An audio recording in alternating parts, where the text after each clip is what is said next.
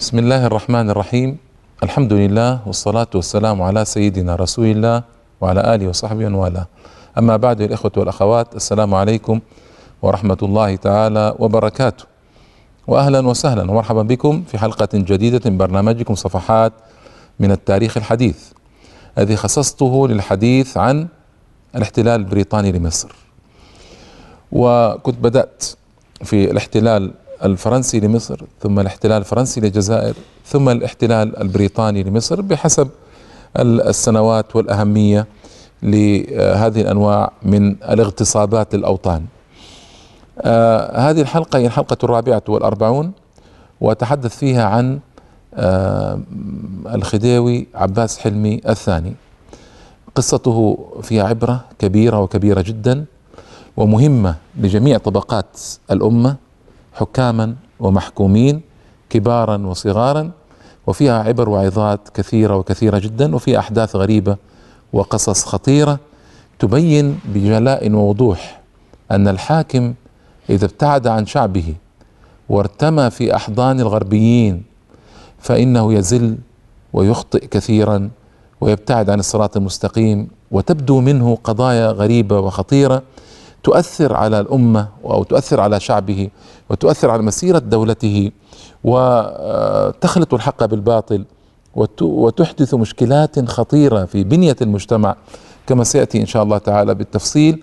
خصصت له حلقتين أما هذه الحلقة فهي عن طوره الأول. يوم كان وطنيا يوم كان مواليا لشعبه يوم كان مواليا للحركة الوطنية في مصر والحلقة الأخرى يوم أدار ظهره لشعبه والحركة الوطنية فماذا جرى عليه؟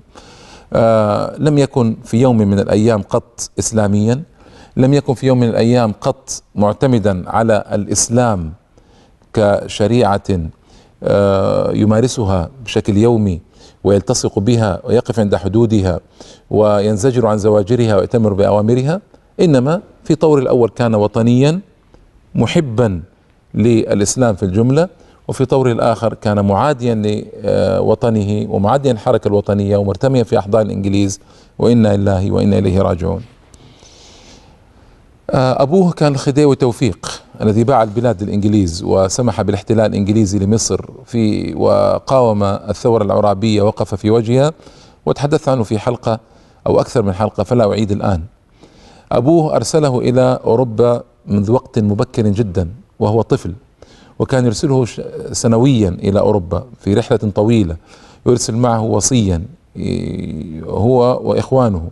ويدور في أوروبا فتشبع بالحياة الأوروبية منذ وقت مبكر جدا. ودرس في أوروبا أيضا.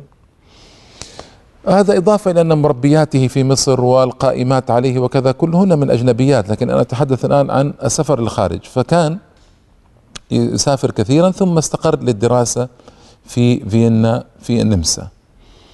جاءه خبر وفاة أبيه وكان عمره سبعة عشر عاما يدرس في فيينا. وكان هو الابن الأكبر فبحكم القانون الوراثي كان هو الخديوي القادم. فعلا أرسلت إليه برقية فعجل بالرجوع في سفينة مدة يومين إلى أن وصلت إلى الإسكندرية. استقبل استقبالا حافلا جلس على العرش وهو تقريبا في, الثامن عشرة من عمره.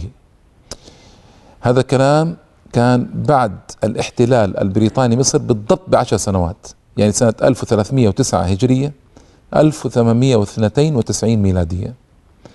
كان يحكم مصر فعليا آنذاك المعتمد البريطاني في مصر اللورد كرومر وهو من هو كراهة للإسلام وعداوة له وذكر ذلك ما أخفاه. في عدد من كتبه ذكر كراهيته للإسلام والمسلمين وعداوته للغة العربية وعداوته للإسلام والمسلمين بكل وضوح. وكان رجلا قاسيا فظا غليظ القلب صعبا دكتاتورا مستبدا. وكان باختصار في مقابل الصورة التي يريد الإنجليز أن يروجوا لها في العالم بأنهم متسامحون وعندهم حرية التعبير وحقوق الإنسان كان هو يعكس هذه الصورة تماما. وكان عندما جاء كان كهلا عندما جاء الخديوي عباس حلمي إلى الخديوية فكان ينظر إليه على أنه طفل صغير لا قيمة له. من هذا؟ الصبي الصغير الذي جاء ينازعني آه، ملكي وحكمي في مصر. ومن هو أصلا؟ حتى آه، يتجرأ علي في حوادث سأذكرها إن شاء الله تعالى. فعامله بمنتهى الاحتقار والازدراء والعنصرية والترفع والتعالي.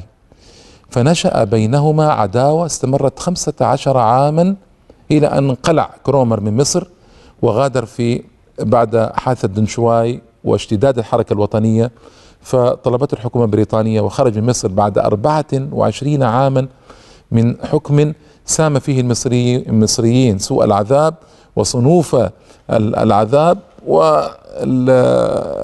بعد ذلك وجاء معتمد بريطاني آخر اسمه ألدون جورست بعده وسأذكره إن شاء الله تعالى في الحلقة القادمة. عندما يتمالأ معه عباس ضد وطنه وشعبه وآماله وآلامه. عباس حلمي آه، جاء في البداية كان ينعى على أبيه ضعفه مع الإنجليز. سبحان الله. يعني في قصة عباس أكبر العظة والعبرة أن الإنسان يطلب الثبات من الله تعالى وأن كيف انقلب هذا الرجل انقلابا عجيبا. في بدايات كان ينعى على أبيه ضعفه مع الإنجليز ولذلك أول ما جاء غير الطاقم الطاقم الذي كان بجواره غير الرجال توفيق باختصار شديد غيرهم. وأتى برجال آخرين كانوا أقرب إلى نفسه وروحه. وظهرت عليه علائم الاهتمام بالشعب وبالإسلام أول ما جاء. ففي رمضان كان يتلو القرآن ويأتي ويحضر جلسات التفسير في قصره. في رمضان تعرفون تلك الأيام ما كان في إذاعة ولا تلفاز ولا شيء فكان يأتون بالقراء إلى القصور وإلى البيوت الفاخرة في رمضان ليقرأوا القرآن ويحضر الناس ويجتمعون. فهذا الذي جرى وكان آه، أيضا مشجعا للحركة الوطنية عفى عن ثوار الثوار العرابيين عن كثير منهم وأعادهم إلى بلاده وإلى بلادهم وبعضهم أعاد إليه الخدمة والنياشين والرتب وأعاد أعاده في الخدمة مرة أخرى للجيش المصري. يعني ظهر بمظهر المدافع عن حقوق المصريين والشعب المصري في بدايات أمره. آه، أيضا كان شديد التودد للشعب. هو طبعه فيه تواضع سبحان الله. فكان بعكس أسلافه المترفعين عن الشعب على الشعب المصري كان شديد التودد للشعب آه، يحبه الشعب ويقدر له هذا حتى أنه مرة أراد أن يصلي الجمعة في الحسين وكانت العربة له آه، فيها آه، تجرها الجياد. ما كان اخترعت السيارة آنذاك فتجرها الجياد. فنحوا الجياد الشباب نحى الجياد وساق العربة بنفسه عوضا عن الجياد. حبا للخديوي عباس حلمي. هكذا الحال وصل به وحب الشعب ودعاء الشعب له في البدايات. شاب صغير 18 عاما متعاطف مع شعبه يحبه شعبه ويحبهم وجرأ الأمة على مناهضة الاحتلال الإنجليزي لأول مرة. يعني خديوي حاكم يفترض أن يكون متفقا مع الإنجليز لأن يحتلوا بلاده وممالئا لهم لكنه كان بالعكس كان ضدهم وكان يجرئ الناس هذا قبل مصطفى كامل سآتي على مصطفى كامل وعلاقته بعباس. يجرئ الناس في العموم على مناهضة الإنجليز. وكان يريد أن يكون ملكا حقيقيا لا دمية في يد الإنجليز كما كان بعض أسلافه. كان يريد أن يكون ملكا حقيقيا وكان يغيظ كرومر ينظر, ينظر إليه على أنه صبي فكيف يقوم في وجهه أصلا؟ و بدأ ملكه بأحسن ما يبدأ به ملك وهو التودد والتقرب من الشعب. أفضل ما يبدأ به أي حاكم عربي مسلم أن يتقرب إلى شعبه. يتقرب بالحق وليس بالباطل. يتقرب بالحق إلى شعبه. فيحبه شعبه ويحب شعبه. فهذا أفضل ما يتقرب به ملك إلى آه، أو, أفضل ما يبدأ به ملك مدة حكمه. هكذا بدأ هذا الملك عباس حلمي. آه، أيضا يستعرض الجيش المصري مرتين في العام وهذا يعني أيضا آه، فيه رمز للاستقلال آه، ولو الشعوري عن بريطانيا. يتصل بالمديرين مديريات مباشرة دون رجوع إلى كرومر وكان هذا يغيظ كرومر جدا ويرى فيه تعديا على صلاحيته وسلطاته وصلاحية بريطانيا وسلطاتها في مصر. كان أسلافه ما يتصلون بالمديرين مباشرة ما يجرؤون انما كرومر هو الذي يسيرهم. هنا يتصل بمديره مباشرة. آه، نجح في بث الكراهية ضد الإنجليز في قلوب شعبه فأحبه شعبه كما قلت لكم حبا كبيرا. لما آه، من أفضل محاسنه في الحقيقة آه، هي تشجيع الحركة الوطنية وتشجيع مصطفى كامل. تلقف مصطفى كامل في بدايات مصطفى كامل وأرسله إلى فرنسا ليتابع دراسته وأعاده وأحب مصطفى كامل ومصطفى كامل أحبه حبا جما. وهذا الحب تجلى في مظاهر. أوعز إليه سرا أن يؤلف جمعية سرية لمناهضة الإنجليز. كان هذا أمر خطيرا وخطيرا جدا. ولو عرفه الإنجليز لعزلوا أو سارعوا بعزل آه، عباس حلمي وكان يستطيعون عزله عندهم من الوسائل فقد عزلوا آه، جده إسماعيل كما جاء في حلقات آه، الخاصة بإسماعيل. فكان يجتمع به في مسجد قريبا آه، من سرايا القبة يدبر معه الخطط للتخلص من الاحتلال الإنجليزي. أمده بالمال أمده ببعض النفوذ والرجال شجعه على تأسيس الحركة الوطنية ومن ثم بعد ذلك شجعه على تأسيس الحزب الوطني وأعانه على إصدار صحف الحزب الوطني. حتى أن دعا الشعب المصري في كتاب عام لجمع عشرين ألف جنيه من أجل إعطائها المصطفى كامل حتى يصدر جرائده في الحزب الوطني. وهذا غاض كرومر إلى الحد الأعلى.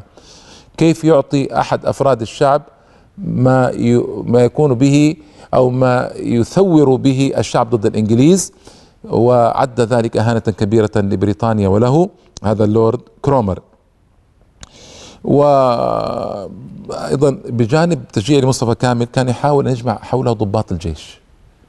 ضباط الجيش في في كل زمان ومكان هم عدة للحاكم. والحاكم الذي يجمع ضباط الجيش حوله يكون حاكما ناجحا لأن إذا ساءت العلاقة بين ضباط الجيش والحاكم انتهت الدولة.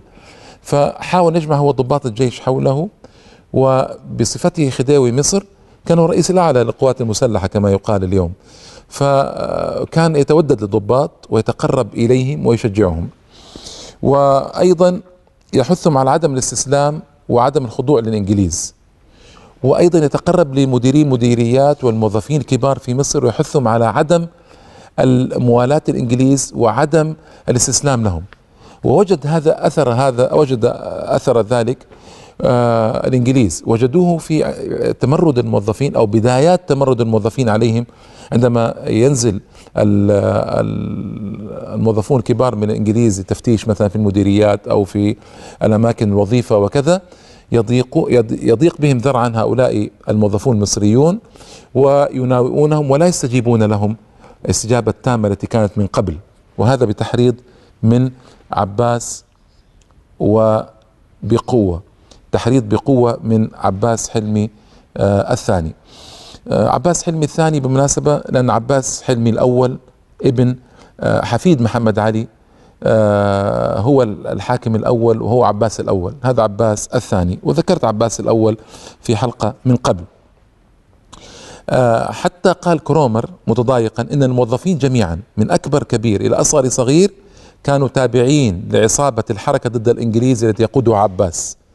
وإلى هذا الحد وصل الحال بكرومر وتضايقه من عباس في أوائل حكمه وألقاكم بعد الفاصل إن شاء الله تعالى. السلام عليكم مرة أخرى أيها الإخوة والأخوات بعد الفاصل. آه كما ذكرت لكم كان عباس آه يقرب الموظفين المناوئين للإنجليز ويعرض عن الموظفين الذين آه يوالون الإنجليز. حتى أن العمد والمشايخ والموظفين الكبار عندما يأتون إليه في قصره فمن كان منهم مناوئا الإنجليز يقربه ومن كان منهم مواليا للإنجليز يعرض عنه ويسيء مقابلته جدا. آه لذلك هنا كان لابد من اصطدام كرومر بعباس لابد. فصار كرومر يتحين الفرص. الإنجليز تعرفون يخططون طويلا وبعيدا. ما يريد أن يصادم آه عباسا حتى لا يقال أنه هو الذي بدأ الصدام ويلام في الدوائر الغربية والدوائر العالمية. فيعني ابتدأ بأن أوعز إلى الضباط الإنجليز أن لا يحيوا عباسا إذا رأوه في الشارع التحية اللائقة به ويستخفون به ويزدرونه. هذا أولا. ثم حدثت حادثة مهمة كانت البدايات الأولى لاصطدام كرومر بعباس وتليين عباس ورأس عباس كما يقال. هي آه، عباس انتهز فرصة مرض مصطفى فهمي باشا رئيس الوزراء. وكان عباس ما يريده ما, ما يحبه لأن مصطفى فهمي باشا عميل للإنجليز ورجل ضعيف ولا يملك من أمره شيئا. فعباس أراد أن يغيره. انتهز فرصة مرضه وكان ذلك في سنة 1893 وعباس ما زال في بدايات الثامن عشر من عمره. أو يعني في النصف الأول من الثامن عشر من عمره فكان صغيرا فعزل مصطفى فهمي وعين حسين فخري باشا مكانه. هذه احدثت ضجه هائلة والسبب أنه لم يستشر كرومر إنما بعد أن أصدر قرار اعلم كرومر اعلاما.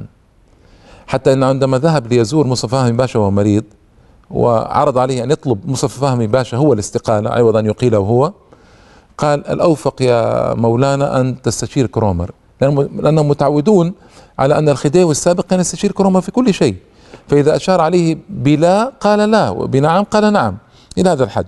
لكن آه ما استشاره؟ هنا كرومر أرسل لبريطانيا وقال لهم هذه الفرصة التي كنت أترقبها قد وقعت الآن وهي فرصة لتأديب آه عباس حلمي وطلب الإذن من بريطانيا أن يؤدب عباس حلمي بطريقته الخاصة حتى يفهم من هو آه يعني عباس ويفهم من هم الإنجليز وأنهم هم المحتلون لوطنه وأن يجب عليه أن يرضخ لهم وأن يكون موظفا عند كرومر لا أن يعاديه بهذه الطريقة. مصطفى فهمي كان يسخر من الإسلام من الإسلام ومن الدولة العثمانيه واصله من جزيرة كريت التي هي الآن يونانية وكانت اولا عثمانية وكان سيئا جدا وعميل للإنجليز ولا يستحق أن يكون رئيس وزراء ابدا. وأصاب آه، عباس في إزاحته إصابة كبيرة جدا. لكن الأمور ما تأتي هكذا دائما. آه، هنا أصدر كرومر إلى الموظفين البريطانيين في الوزارات المختلفة ألا يعترفوا أصلا بهذا القرار. لا يعترفون بهذا القرار. وهذا أضعفه. وجد نفسه أمام ضغط كبير هو عباس من الإنجليز ومن كرومر بأن كرومر رفض هذا التغيير وصل الأمر إلى ما يشبه الصدام. هنا الإنجليز كعادتهم امتصوا القضية وأشاروا أشار كرومر على آه، عباس بحل وسط وهو قبول إقالة مصطفى فهمي باشا لكن أن يعين رياضا رياض باشا عوضا عن حسين فخري باشا. لأن رياض باشا آه آه الإنجليز يقبلونه وهو أصلا ذليل أمام الإنجليز وضعيف ولا يكاد يملك من أمره شيئا. وعرفنا رياض باشا هذا أيام الثورة العرابية وأن آه عرابي نفسه طلب من الخديوي إسماعيل أن يعزل رياضا. وهذا كان تكلمت من قبل فيه فلا اعيده لكن رياض عاد من المسرح كما يقال من جديد وعين بضغط إنجليزي وكرومري في منصبه كرئيس وزراء لمصر وصار هذا حلا وسطا توصلوا إليه حتى لا يعني تسقط هيبة بريطانيا وكرومر في مصر. ويلقى نفسه يحفظ ماء وجه آه عباس الذي آه أقال مصطفى فهمي. فقبلوا الاقاله لكن ما قبلوا التعيين الجديد وغيروا فيه. آه وأيضا حادثة أخرى مهمة جرت. هذه كانت القاصمه لخديوي عباس أمام شعبه وأمام الإنجليز أيضا. كان قد ذهب إلى جنوب مصر ليستعرض الجيش هنالك في مناسبة كانت. وكان السردار العام للجيش المصري سردار يعني آه، القائد العام كان الجنرال كيتشنر. وجنرال سيء جدا غليظ الطبع سيء التعامل سيء الخلق وصعب في تعامله. فلما استعرض الجيش أمام عباس رأى ملاحظة خفيفة على تنظيمات الجيش. وهو عاش في أوروبا مدة طويلة ورأى التنظيمات الأوروبية العسكرية وعنده خبرة طويلة. على أنه شاب لكن عنده خبرة خبرة كبيرة بسبب سفري مبكر إلى أوروبا كل سنة ومدة مكثي طويلة في أوروبا كل سنة واطلاعي على الخصائص والنظم الأوروبية العسكرية والمدنية كل عام. فكان تكلم بعض الملاحظات ملك مصر ورئيس والاعلى للقوات المسلحة فتكلم بعض الملاحظات. غضب جدا من هذه الملاحظات الجنرال كيتشنر. وعد إهانة لبريطانيا العظمى كما يقال. الحمد لله اليوم ما صارت عظمى بفضل الله. الحمد لله. العظمى هذه ما عاد تذكر بريطانيا معها. أول كان مستحيل أن تذكر بريطانيا إلا والعظمى معها. اليوم أذلهم الله فما عاد يذكرون العظمى هذه. بفضل الله. المهم فكيتشنر هذا استقال. واستقال جميع الضباط البريطانيين. وكانت حادثة ضخمة. انظروا كيف يكبرون الصغير إلى هذه الدرجة. وطبعا هي فرصة بإعاز كرومر وبريطانيا لمزيد من التأديب لعباس فعلوا هذا. وهنا آه، آه، جاء رياض بسرعة إلى آه، العباس حلمي. معه تصريح مكتوب من كرومر فيه اعتذار لعباس عباس يعتذر لكيتشنر ولكرومر ولبريطانيا. وأنه ما كان يريد أن يضايقهم. وفي الوقت نفسه في عزل لعلي ماهر. هذا كان ضابطا وكيل وكيل لكيتشنر وكان ضابطا مصريا كبيرا. فسق فوافق على توقيع على التصريح بعد تمنع فسقطت هيبته أمام الضباط المصريين. وعلموا أنه لا يملك نفسه حولا ولا طولا وسقطت هيبته أيضا أمام الشعب المصري بهذا الخطأ الكبير الذي ارتكبه. وهدد لأن كرومر هدده إن لم يوقع فسيعزله. ورياض كان خائفا جدا من البريطانيين وألح على الخديوي أن يوقع. فللأسف وقع وكانت هذه قاصمة الظهر. هنا طبعا آه الذي حدث أن الخديوي وجد نفسه وحيدا فريدا. السفارة الإنجليزية الفرنسية والسفارة الروسية كانت تحرضه ضد بريطانيا. ما صنعت له شيئا في الحادثتين. مصطفى كامل رجل خطيب ومحرك للحركة الوطنية. كان كان مصطفى كامل في بداياته ما استطاع ما يصنع له شيء مصطفى كامل أمام بريطانيا. ووجد أن الموظفين الكبار عنده ورئيس الوزراء آه، نفسه كان أيضا مع بريطانيا وجد نفسه باختصار فريدا وحيدا وهو صغير في السن صغير في السن. آه، فتأثر بهاتين الحادثتين. وابتدأ يلين شيئا فشيئا أمام الإنجليز. جاءت حادثة فاشودة سنة 1898 بعد توليه بست سنوات. 1314 آه، هذه الحادثة باختصار أن الفرنسيين تقدموا واحتلوا فاشودة في جنوب السودان. أرسلت بريطانيا من يخلص فاشودة من من الفرنسيين والفرنسيون بعد ذلك تخلوا عن المطالبة بالجلاء والمطالبة لبريطانيا بالجلاء. فكان أيضا آه، ذلك قاصما أمرا قاصما لعباس حلمي كان يتكئ على السفارة أو القنصلية الفرنسية وعلى الفرنسيين. وأيضا الاتفاق الودي الذي وقع في 1904 بين بريطانيا وفرنسا سلمت فيه فرنسا بحق بريطانيا الكامل في مصر بدون معارضة مقابل أن تطلق مصر يدها في مراكش في المغرب. هكذا يبتلعون بلادنا وهكذا يخططون ضد بلادنا. الذي جرى طبعا مع بعد كل هذا وجد نفسه فريدا وحيدا. الفرنسيون تخلوا عنه. الحركة الوطنية ما تستطيع تسعفه بالقوة اللازمة ليقف أمام البريطانيين.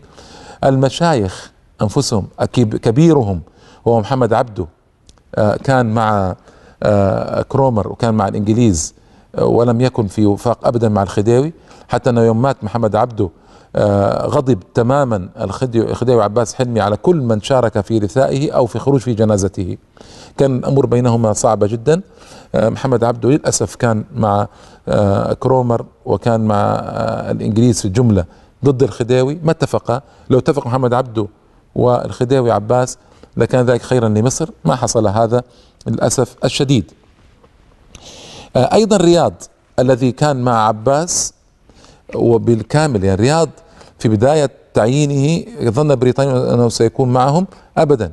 كان مع عباس وأصدر أمره بإلغاء التدريس بالإنجليزية في المدارس الأميرية يعني المدارس الحكومية وأصدر عدة قرارات تبين أنه مع عباس قلبا وقالبا وآزره بقوة وكثر الصدام في عهده بين الموظفين المصريين والإنجليز وتشجعت الصحف على نقد الإنجليز حتى يعني آه، صارت ضجة كبيرة في مصر آنذاك.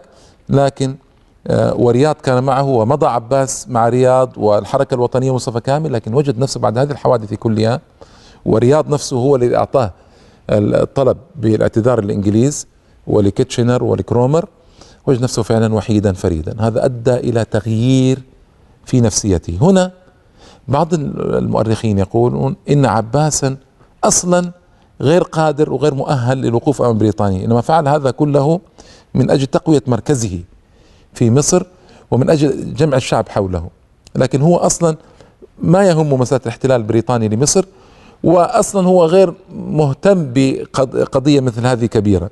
إنما استفاد منها استفاد من هذه القضية ليجمع الشعب حوله وليتمكن من تحقيق أكبر مكسب شخصي له. هكذا بعض المؤرخين يقولون. بعض المؤرخين يقولون لا هذا كلام غير صحيح. هو كان مخلصا لوطنه في البداية والحركة الوطنية لكن وجد نفسه وحيدا فريدا فاضطر أن يلين مواقفه إلى أن آه انساب الأمر تماما من يده وصار بعد ذلك ذيلا للإنجليز كما ساتي عليه في الحلقة القادمة إن شاء الله تعالى. آه وفيها تفصيل تام عن كيفية تنازل عباس حلمي عن موقفه الوطني وعن كونه مع الشعب ليصير ضد الشعب وينقلب الشعب ضده آه، في حادثة تاريخية عجيبة. فإلى اللقاء في الحلقة القادمة إن شاء الله. والسلام عليكم ورحمة الله.